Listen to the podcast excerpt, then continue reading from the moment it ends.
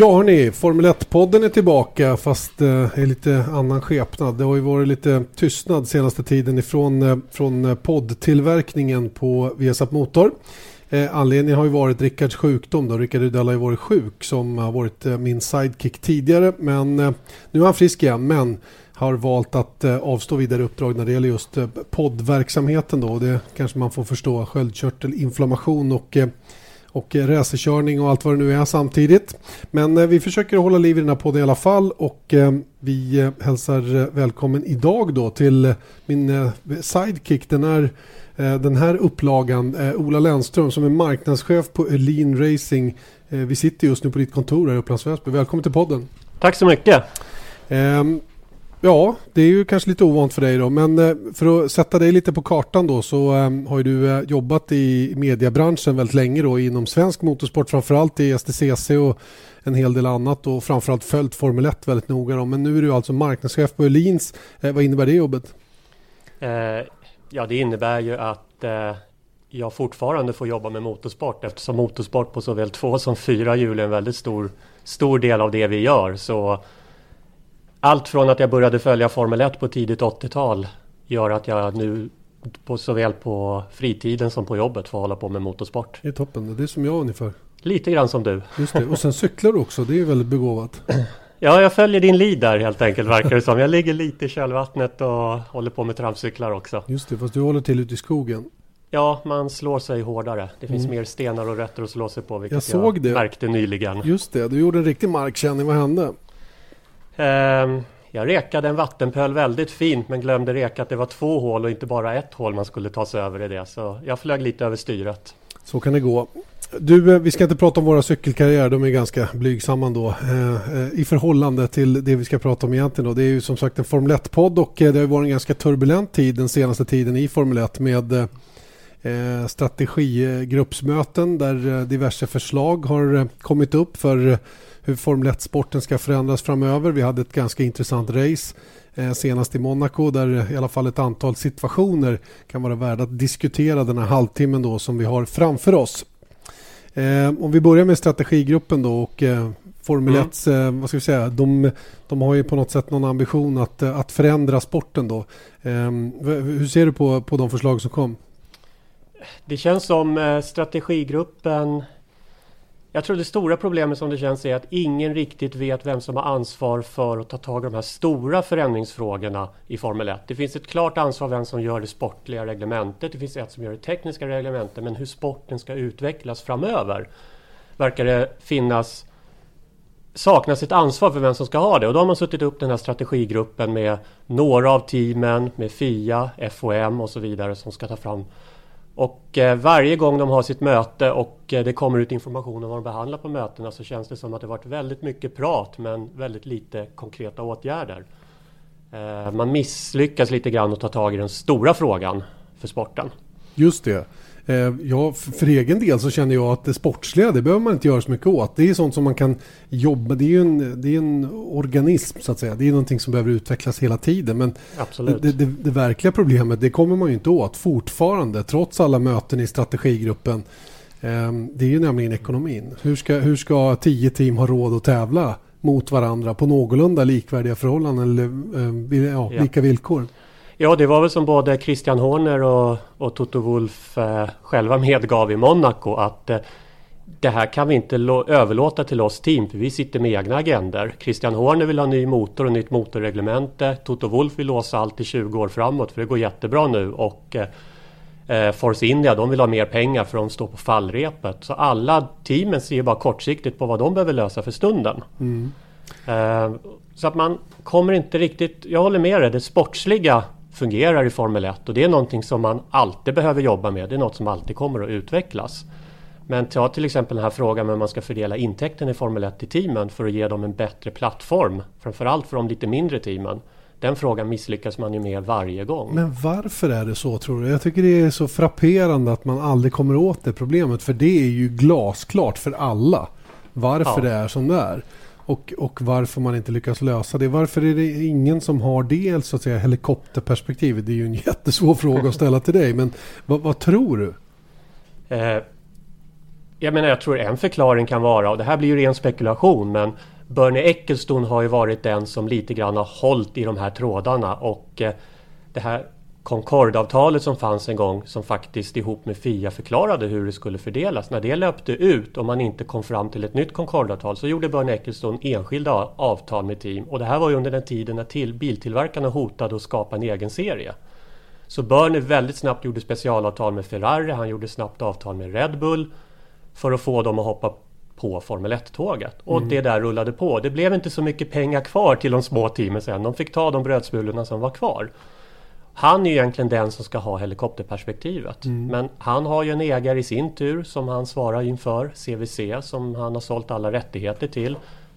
De vill ha stor del av kakan, de intäkterna som Formel 1 genererar. Så återigen, det känns som att det saknas det här övergripande ansvaret. Vem ansvarar för den här frågan egentligen? Mm. Och vem bestämmer? Det är ju en ganska trög eh, ska säga, process att få till förändringar också i, i det avseendet i synnerhet då när det gäller ekonomin. Men även när det gäller sportsliga förändringar och speciellt om de är någorlunda nära i tiden. Då kräver det ju att alla är överens och hela den här biten vilket gör det otroligt stelbent att få mm. till några, några förändringar som faktiskt skulle kunna vara bra för sporten. Ja, och här blir det ju ett problem. Här går man då ut och talar om att man har massa problem man vill lösa. Man är väldigt duktig i Formel 1 på att promota det man tycker är dåligt. Men man promotar inte det som är bra med Formel 1.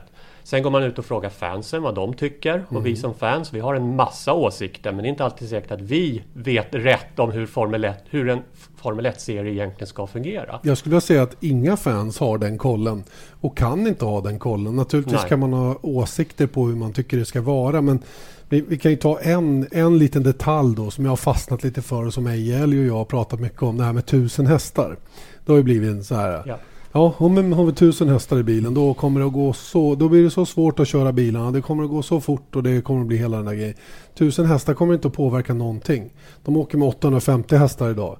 Lägg ja. till 150 hästar till så går det 20-25 km timmen snabbare rakt fram. Men det kommer inte gå fortare i kurvorna för den skull. Det är ju, det är ju andra saker som ska till och det är ju...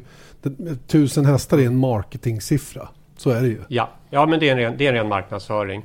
Och sen... Eh jag, jag har också svårt. Jag, jag, såg det där förslaget med 1000 hästkrafter. Ja, jag visste inte att jag själv behövde det som fan i Formel 1 för att gilla, gilla Formel 1.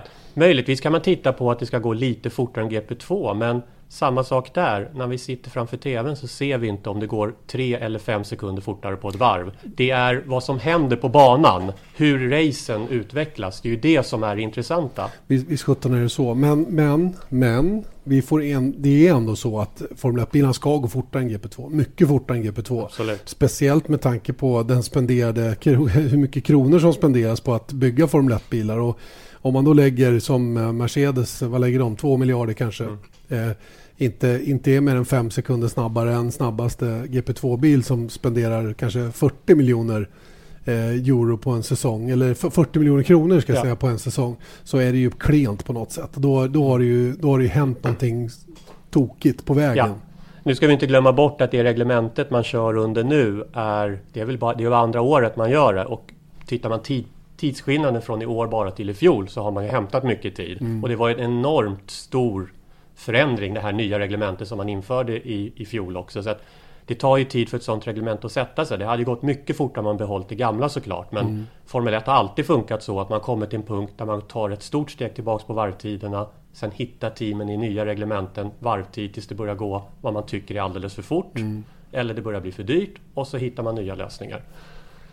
Um, sätter det då så, och då kommer vi tillbaka till förslaget som, mm. som eh, kommer från strategigruppen då där man vill ha bilar som är 5-6 sekunder snabbare. Eh, jag hade ju min egen lilla teori på bloggen om, om hur man hittar den här tiden och det är ganska lätt tror jag. Mm. Jag tror inte det är någon svårighet att göra bilarna 5-6 sekunder snabbare egentligen. Jag tror att eh, utan vidare hittar man halva den tiden i bättre däck. Absolut, men och Pirelli kan ju vilken dag som helst göra däck som håller i 30, 40, 50 varv. Och eh, dessutom ger bättre varvtider än idag. Mm. Men då kommer du ha de här racen som man hade för en 10-15 år sedan där du kör halva racet, går i depå, byter däck, kör halva racet och det blir mer precision. Då var det ju mera, och det är ju också en sak som, som har kommit tillbaka på den tiden så länge det fanns i alla fall och fanns tillgängligt nämligen tankstoppen då att det var de mer eller mindre som avgjorde när man kom in i depån, inte däckslitaget om man säger. Eh, ja. Det innebär ju att man kan åka precis hur fort, eller man kan åka fullt hela tiden så fort man är på banan. Ja. Det enda som begränsade det var ju hur lång stint man ville göra i mm. förhållande till hur mycket bränsle man hade. Och det är ju många som förespråkar att tankningen ska komma tillbaka. Eh, hur ser du på det? Är det? Upplever du att det är någonting som du som tittare behöver för att tävlingen ska bli bra igen? Jag har svårt att se vad det ska tillföra förutom att det är såklart en depåstoppen blir ännu häftigare när man tankar. Men å andra sidan att se dem byta däck på tre sekunder, fyra däck. Det är en ganska häftig upplevelse i sig. Mm. Jag har svårt att se vad det ska tillföra racingen på banan. Att man, eh, att man, att man tankar. Eh, jag tror fortfarande på det här att man har olika former av däcksblandningar som gör att däcken faller av så att man måste ta hand om däcken. Sen ska man inte gå för extremt så man måste ligga och köra på sparlåga för att spara däck. Men om man tittar på andra serier, till exempel V8 Supercars i Australien som har ett däck som är jättesnabbt i 10 varv, sen faller bara av. Ett däck som är flera sekunder långsammare. Du kan köra fullt på hela racet men det är mycket långsammare. Där blir det mer dynamisk racing, det händer mer på banan. Så jag tror att det är snarare det man ska fortsätta jobba med i Formel 1. Man ska, man ska, man ska följa det mönstret menar du. Eh, men, eh, ja, tankningen, vad, vad, kan den tillföra? Den, den tillför inget annat än att vi får snabbare bilar för att bilarna blir kanske mm. hälften så tunga då bränslemässigt än vad de är idag. När racet startar ska vi väl tillägga då. Då skulle de ju ja. i princip aldrig vara mer upptankade än kanske max 50 mm. kilo, 45-50 kilo då. Eh, om vi ponerar att man gör en tvåstoppare. Ja, det kanske är så att eh, tankning är någonting som kommer fram i den här undersökningen då som, som eh, GPDA, förarorganisationen, släppte ut då tillsammans med en, eh, en motorsportsajt, motorsport.com. Eh, och de vill ju naturligtvis att man går in och gör den där undersökningen för det blir många klick på deras hemsida. Samtidigt vill förarna då att man går in och ger sin syn. Har du, har du sett undersökningen? Jag har gjort, eh, jag tyckte det var lite förvirrande för det kom ju samtidigt en undersökning från Autosport tror jag det var, som mm. gjorde en undersökning som man först trodde var densamma. Men det var mm. två olika undersökningar. Jag har gjort båda. Jag har fyllt i båda. All right. och, eh, det var engagerat. Ja, det, det, det, blir så när man nördar ner sig i, i Formel 1. Men det är också intressant att titta lite vad de frågar efter. Eh, och hur den där fungerar. Och ska man tillåta sig att ha lite åsikter så får man väl också lämna dem när tillfälle ges. Men, men eh, hur var undersökningen? Jag har själv inte ens varit in och tittat på den. För jag, jag, jag, jag har inte gjort det bara, kort och gott. Um, den var ganska standardiserad. Den, den, var rätt omfattande men den var snabb att fylla i och det fanns möjlighet att fylla i egna kommentarer utöver att bara svara på frågor med, med förvalda alternativ. Um, undersökningen i sig var väl inget fel på. Frågan är vad man ska göra av resultatet. hur ska man analysera det här resultatet och vad ska det leda till? För om det inte är någonting som varken FIA eller FOM eller teamen har beställt. Då är det ju svårt att kanske få genomslag för resultatet i undersökningen. Och, och vad är undersökningen värd kan jag undra också. Ja. det är ju det, vilka är det man eh, eh, så att säga en, en statistisk undersökning är oftast baserad just på en, en, ett vitt spritt eh, vad ska jag säga, underlag när det gäller de som har svarat på undersökningen. Ja, man har en fråga som man vill ha svar på och det kanske saknas lite här. Eh, och det kanske kommer tillbaks till det vi pratade om i början att F1 just nu är väldigt duktiga på att promota att man är i en kris eller att det är någonting som är dåligt med sporten när det nödvändigtvis inte behöver vara så. Mm. Och alla springer lite, kanske lite panikartat nu. Teamen måste en, tror att de har en kris de måste lösa. FOM tror att de har en kris som de måste lösa. Och förarna tror också att de kör i en sport som är i en kris och nu måste vi fråga fansen om vad vi ska göra åt det. Mm. Och det där hakar såklart media på. Jo men det blir ju så. För det är Var... intressant att skriva om det mellan ja, racen. Det är klart att man måste haka på en, en så pass äh, stor grej som det ändå är. Äh, det intressanta är ju att man tror att det är fel på det som händer på banan. Att det är det som är felet till att sporten just nu går på knäna rent ekonomiskt. Och det den kopplingen har jag svårt att göra själv i alla fall. Det, jag, jag bara upplever att, uh, att businessmodellen för Formel 1 är skev just nu. Den ja. funkar inte riktigt. Ja. Det, det, gamla med uh, stora intäkter från tv-rättigheter har ju minskat med tanke på att uh, tv-kanalerna mer och mer måste stoppa in det i betal-tv ja. för att kunna räkna hem det överhuvudtaget. Och, och um, biljettintäkterna på arenorna gör ju att eller biljettpriserna på, på banorna gör ju att folket inte sitter på läktaren. Jag, jag, kan inte tänka mig att det har att göra med hur bilarna låter eller hur det ser ut. Jag, jag vet att det kommer mycket sådana synpunkter mm. eller kommentarer från folk att nej, jag kommer aldrig mer åka på Formel 1 för det låter ingenting. Va? Men jag, det, det, jag tror inte på det. Jag tror, jag tror att det där är en väldigt högljudd minoritet som, som säger så. Eh, men jag håller med dig så fort bilarna rullas ut på banan och det tävlas så mm. är det mm. egentligen inget fel på underhållningen. Vissa race är tråkiga, vissa race är helt ja, men... fantastiska. Dessutom har vi ett team som dominerar nu men det är absolut inget nytt i F1 och trots det har vi spännande race. Mm. Utan jag håller helt med dig. Det är någonting med affärsmodellen i Formel 1 som är skev. När F1-sporten kan generera, vad är det, 1,6 miljarder dollar i intäkter totalt. Mm. Eh, med reservation för att den siffran är ja. fel eller rätt. Och att du har fem sex team som ekonomiskt står på kollapsens brant och inte kan gå runt. Där någonstans är det ju fel för några av teamen får ju fantastiska intäkter från Formel 1 utöver det de själva putsar in som fabriksteam. Men sen har du team som Force India, Lotus, som inte borde, Sauber, som inte borde vara i den situationen de är idag ekonomiskt. Egentligen inte. Egentligen inte. Och jag menar, hur roligt tycker Ferrari då som får 164 miljoner dollar förra säsongen i, i revenue eller till, tillbaka då från, mm. från sporten så att säga då mot Sauber som fick 40 eh, eller 44 miljoner dollar. Mm. Jag menar hur ska de kunna tävla på lika villkor? Vill, vill man inte ha några team att tävla mot så småningom? Det är ju, det, det är ju den frågan ja. man måste ställa sig. Precis. Och då dyker ju det här med tredje bilar upp. Att eh, vissa team måste köra med tre bilar för griden blir för liten. Det är det ju ingen som vill. Eller hur? Nej. Det kostar ju ännu mer pengar. Vi, vi har nästa diskussion då om det ska finnas kundbilar. Mm. Vilket är fullständigt uppåt väggarna för det är ju så långt ifrån Formel 1 DNA som man kan komma. Det är klart att alla ska bygga sina egna bilar, eller hur? Ja, det är vad Formel 1 handlar om. Det finns andra serier där man köper färdiga bilar eller där man väljer chassin, två olika chassin, två olika motortillverkare och så vidare. De serierna finns. Formel 1 behöver inte vara... Formel 1 har en unik situation i att alla teamen bygger sina prototypbilar och det är någonting jag tror Formel 1 måste hålla fast vid. Men sen måste man ge teamen bättre ekonomiska villkor för att delta i det här. Exakt. Och har man en modell där Lotus kan gå och vinna VM men det är tre team i Formel 1 som oavsett om Lotus vinner VM eller inte så kommer de här andra tre teamen alltid få mer intäkter i prispengar. Mm. Eller motsvarande om vi slarvigt kallar det för prispengar. Och där är det ju lite fel i intäktsfördelningen.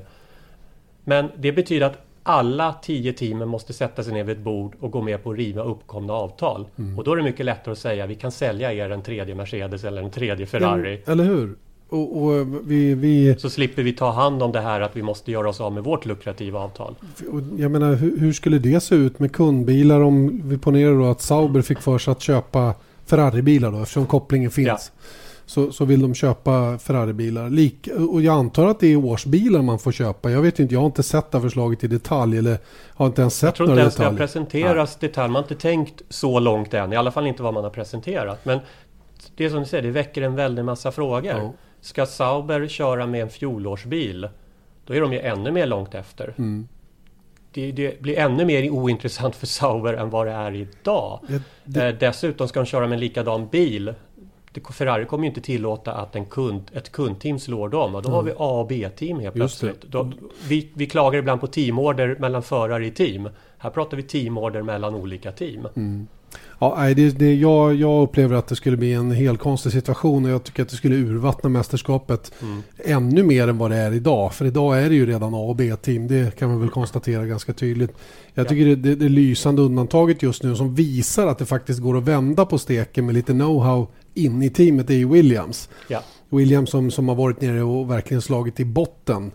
Eh, riktigt, riktigt illa ute både ekonomiskt och sportsligt och, och, och studsat tillbaka på ett oerhört eh, starkt ja. sätt. Men vi ser återigen hur bristen på resurser även för deras del påverkar deras prestanda i år. Ja. De är inte alls lika starka nu när Ferrari har tagit krafttag, när, när Mercedes fortsätter att dra ifrån och, och ja, hade Red Bull levererat en, en normalt så att säga, ja. då hade de ju också varit före ganska det, klart. Intressanta före. med Williams är att de är ett börsnoterat företag idag. Så där kan man faktiskt se deras siffror till skillnad från andra team. Och deras satsning i fjol gör ju att de idag dras med en väldigt stor förlust.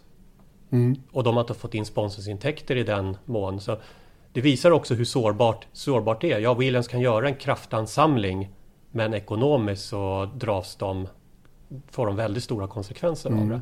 Och de har ingen uppbackning bakåt i att den, upp, den jättekliv de gjorde i fjol ger mer prispengar till dem. Det ger lite mer prispengar men de ligger fortfarande skevt i fördelningen ja, jämfört med andra team. Inte i motsvarighet till vad till exempel Ferrari då som gjorde kanske, en, jag skulle säga en riktigt dålig säsong förra året och ja. ändå plockar hem 164 ja. miljoner dollar. Det är ju, det är ju helt galet ja. egentligen. Ja, ja, vi får se vad som kommer att hända kring det här ämnet. Det är ju ehm, det är oerhört intressant i alla fall att se hur hur den här sporten som både du och jag tycker mm. väldigt mycket om då, hur den missköter sig själv och hur man inte vårdar sitt varumärke ja. på det sätt som man, jag menar ett, ett starkare varumärke än just Formel 1 är ju svårt att hitta. Nej det går ju inte, det är som jag låg bakom en bil på kön häromdagen när det står Pirelli, officiell leverantör till F1 på på en dekal på den bilen. Det är inte många sporter där man bara kan sätta upp F1. Det, det så visar hur stort det här varumärket mm. är. Mm. Så det känns som man lite grann håller på att missbruka det. Ska vi avrunda den här diskussionen kan man gå tillbaks med strategigruppen och vad den ju fyller för funktion. Och egentligen summera vad Christian Horner sa om det i Monaco. Det var att det enda beslut vi egentligen har lyckats tagit, kommit överens om och klubbat igenom det är att förarna inte får lackera om sina hjälmar under säsongen. Bra jobbat. Tack så mycket. Och, ja, vad ska man säga? Man ja. blir helt tagen när man hör sånt. Men eh, så är det. Ja. Eh, lite roligt då att titta tillbaka lite i backspegeln på det som var här senast. Vi, vi ska inte hålla på och analysera något race och, och sådana saker. Vi är inte i position att göra det någon av oss egentligen. Men det var några intressanta situationer i alla fall som eh, har väckt en del eh, väckt en del eh, intresse. Eh, många som har, har tyckt och, och, och, haft känslor runt omkring det. Och, ehm, framförallt eh, var det väl avslutning på racet som blev jättekonstig med Lewis Hamilton som eh, gav bort segern helt enkelt. Ja. Eh, tillsammans med, med strategerna i teamet då som fick stora skälvan och tog ett beslut som många har svårt att förstå. Många ja. försökt analysera. Hur, hur ser du på vad som hände? Ja, i ungefär 60 varv så hade vi ett typiskt Monaco-race. Det hände inte så himla mycket. Det var lite precision, men som alltid i Monaco så händer alltid någonting någonstans. Och nu har det ju kommit fram lite i efterhand. Det är fortfarande väldigt svårt att förstå beslutet. Mm. Men som det verkar från att man har sagt att man har räknat fel på avstånd till säkerhetsbil och sådana där saker. Man trodde att man kunde gå in och ändå vara säker. Var ju att det verkar vara någon form av misskommunikation. Mm. Lewis Hamilton har åkt runt bakom säkerhetsbilen, eller Virtual Safety Car som det först var. Sett på storbildsskärmarna att Mercedes mekaniker var ute i depån.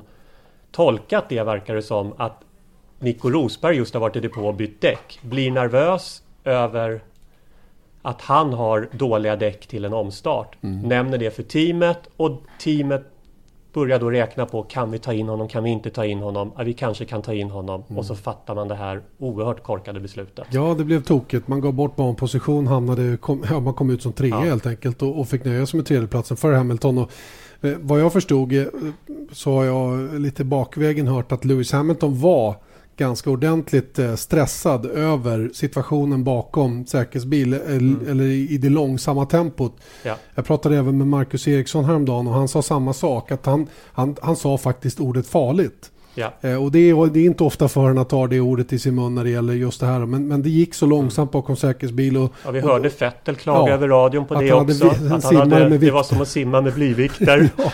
Eh, och det där, eh, det där det kan vara en anledning till att det blev som det blev. Så, så Hamilton mm. kanske inte var helt oskyldig till att det blev oreda om vi säger så. Då.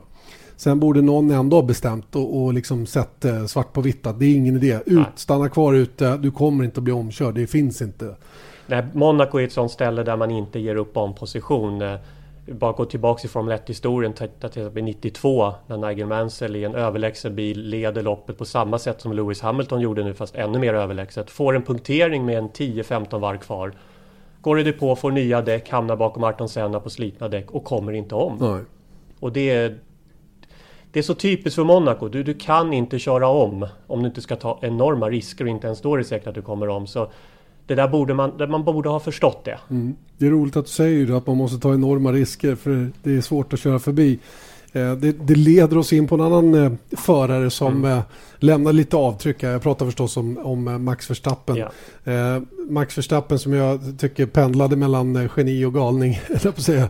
eller mest geni. Mest geni, absolut. Ja, ja, men han hade ju ett, ett bra race. De, generellt är ju Toro Rosso-bilen väldigt, väldigt bra. Vilket gör det naturligtvis enklare för både Sainz och, och Verstappen att göra ja. bra resultat just nu.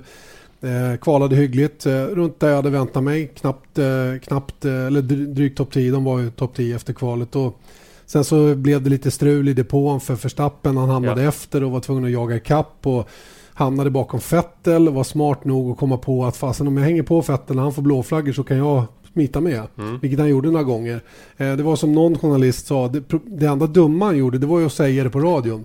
Ja precis, men det var väldigt trevligt för oss att eh, snabbt förstå att det var det han höll på med. Exakt. Sen är det kvickt tänkt. Det är mm. lätt att sitta hemma och tro att ja, men det är bara att göra så man mm. hänger på. Mm. Men att dels komma på det i bilen och dessutom ja, lyckas utföra. genomföra Precis. det. Och inte bara på en bil utan flera bilar. Just. Det, det var imponerande. Verkligen och eh, jag tror han blev lite fired up av det här och, och tyckte att livet var ganska ja. kul och insåg att fast det går ju att köra om här. Men som sagt problemet var att han sa det på radion och eh, det gjorde att Lotus började reagera och varnade då Romain ja. Grosjean för att det här kan hända. Och eh, Grosjean stängde dörren ganska ordentligt då. Mm. När han, eller han släppte förbi Vettel på precis rätt ställe. Ja, och han, gjorde det väldigt, han gjorde det väldigt snyggt. Ja. Jag kommer ihåg Grosjean också. Han var vaken. Mm. Och... Botox Cosmetic, out toxin A, FDA approved for over 20 years. So, talk to your specialist to see if Botox Cosmetic is right for you. For full prescribing information, including boxed warning, visit BotoxCosmetic.com or call 877-351-0300. Remember to ask for Botox Cosmetic by name. To see for yourself and learn more, visit BotoxCosmetic.com. That's BotoxCosmetic.com. Det visar också hur mycket han har utvecklats som förare från när han började i Formel 1. Verkligen. Väldigt snyggt gjorde han det. Och jag gjorde ju själv analysen i racet där att det kommer antingen köra förbi Grosjean eller så kraschar han. Och tyvärr ja. blev det ju då det sistnämnda. Det kändes inte som att han skulle gå i mål bakom Grosjean.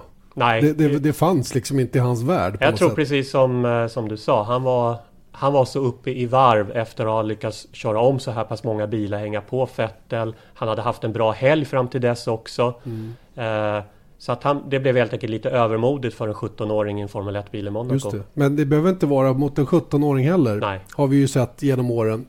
Eh, det, det, där är ju inte den första föraren som gör en missbedömning i en kurva på det viset. Och det är inte heller sista gången det Nej. kommer att ske. Och, och nu, och, råkar, nu råkar Verstappen vara 17 år. Och ja. Jag tror att vi kan, vi kan lägga en del till åldern. Att det blev som det blev så att säga. Va? Ja, men mm. inte alltid.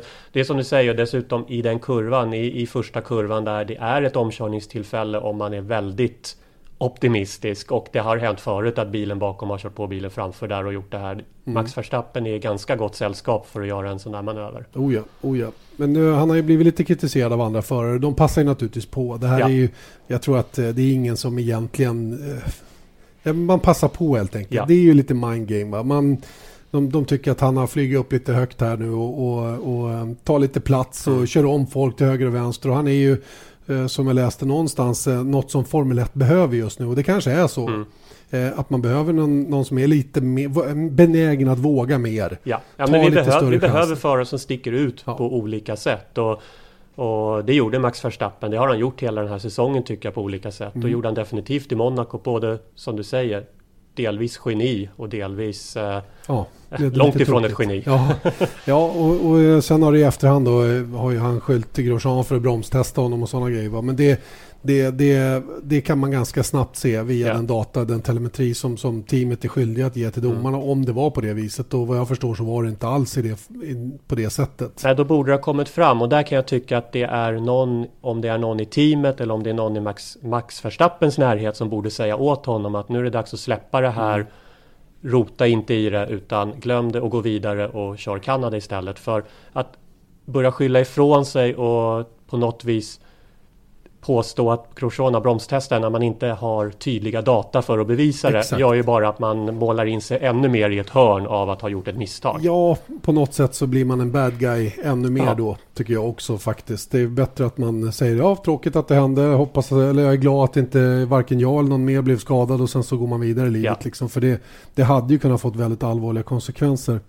Ehm, det, blir, det blir spännande att följa honom fortsatt här om det här påverkar på något mm. sätt hittills verkar ju ingenting ta på honom utan han, han är verkligen eh, pumpad. Det verkar som det men samtidigt så ser vi ju nu han gör det här misstaget. Han går ut och klagar kanske lite på Grosjean efteråt så möjligtvis att det kanske börjar påverka honom lite. Mm. Sen eh, har man intrycket av att Red Bulls förarprogram eller Red Bull pushar sina unga förare väldigt hårt även mot varandra. Och sätter enormt hög press på dem. Så det känns som att nästan varje race eller varje racehelg är en shootout mellan de två förarna, vem som ska lyckas bäst. Och vi vet ju att Helmut Marko kan vara ganska skarp i sina uttalanden, även utåt men även som det verkar internt, internt inom teamet. Och jag, jag, eh, jag, fick väl det mer eller mindre bekräftat också att det är en, en enorm mm. Eh, rivalitet just nu mellan Carlos Sainz och Max Verstappen där ingen av sidorna är, eh, unnar den andra en framgång överhuvudtaget. Va? Och det, det är ju, eh, jag vet inte, det är väl inte sånt som driver teamets prestation framåt. Och tittar vi på, på eh, eh den totala poängskörden som Toro. Rosso har tagit, ja. sett till vilken bil de har i år. Visserligen ja. en Renault-motor, men ändå. Så, så, har de ju haft mycket tekniska problem, men de har ju kunnat haft betydligt större skörd av poäng än vad de har haft. Då, om man... De har försatt många chanser. Och mm. Det kan bli väldigt dyrbart för att eh, ett sånt som Toro Rosso de har ju sin största chans nu under första halvan av säsongen. För mm. Red Bull kommer att komma ikapp. Det skulle förvåna om de inte gör det. McLaren Honda kanske inte kommer att komma ikapp men de kommer komma igång och börja ta poäng. Mm. Eh, Force India kommer säkert att hitta någonting också, och så vidare. Så. De har en ny bil på gång om inte annat. Ja, en uppdatering eller en ny bil. Så de, eh, Toro Rosso bör ta hand om de här chanserna. Men det är det problemet Toro Rosso alltid har haft. De har unga förare som är utsatta för väldigt hård press. Och det är många poäng som kastas undan i onödan. Det är ju deras roll å andra sidan också. Absolut. En kalkylerad roll. nu vill ju Mateschitz bli av med teamet och vi får se om han lyckats med det. Eh, det här med kopplingen mellan Renault och Toro Rosso finns ju i och med att de kör Renault-motorer mm. idag. Men eh, så vitt jag vet så så är Renault inte intresserad av Toro Rosso överhuvudtaget utan man tittar på andra då. Överhuvudtaget har, ja. har ju den diskussionen svalnat en del. Ja, det blev väldigt tyst mm. på sistone. Om jag skulle ta upp den tråden igen så har jag bara så svårt att se om Renault skulle vilja köpa ett team och kliva in som eh, teamägare igen i Formel 1. Varför man skulle köpa Toro Rosso. För jag föreställer mig att team som Lotus, Sauber, Force India med bättre faciliteter, med bättre vindtunnlar och så vidare är till salu till rätt peng åtminstone mm, för mm. ett team som Renault. Visste de det? Istället för ett litet italienskt team som köper tjänster från Red Bull i England. Just det. Så ja, det är svår, jag har svårt att se varför just Toro Rosso skulle vara intressanta för Renault att köpa. Jag kan förstå att det är intressant för Red Bull kanske att sälja. Återstår att se vad som kommer att hända Absolut. där också. Och eh, innan vi slutar dagens podd, våran omstart av F1-podden Ehm, en liten, liten blick framåt också. Montreal står för dörren. Jag ska åka dit. Ska bli jättekul. Mm. Älskar att åka till Montreal rent generellt. Vad, vad, vad, tycker du om banan i Montreal? Alltså som publik? För mig är det, jag har aldrig sett ett race där men jag har faktiskt varit på banan två gånger och gått och sprungit runt den. För mig är det ett av de bästa racen på, på kalendern. Den har atmosfär, det är en gammal, lite old school bana. Det blir oftast händelserika race. Lite grann som Monaco, även om du har stor det, det händer inte så mycket under första två tredjedelar av racet så kan du nästan vara säker på att någon gång, någon gång under racet kommer ut en säkerhetsbil och någon gång kommer det att hända någonting. Mm.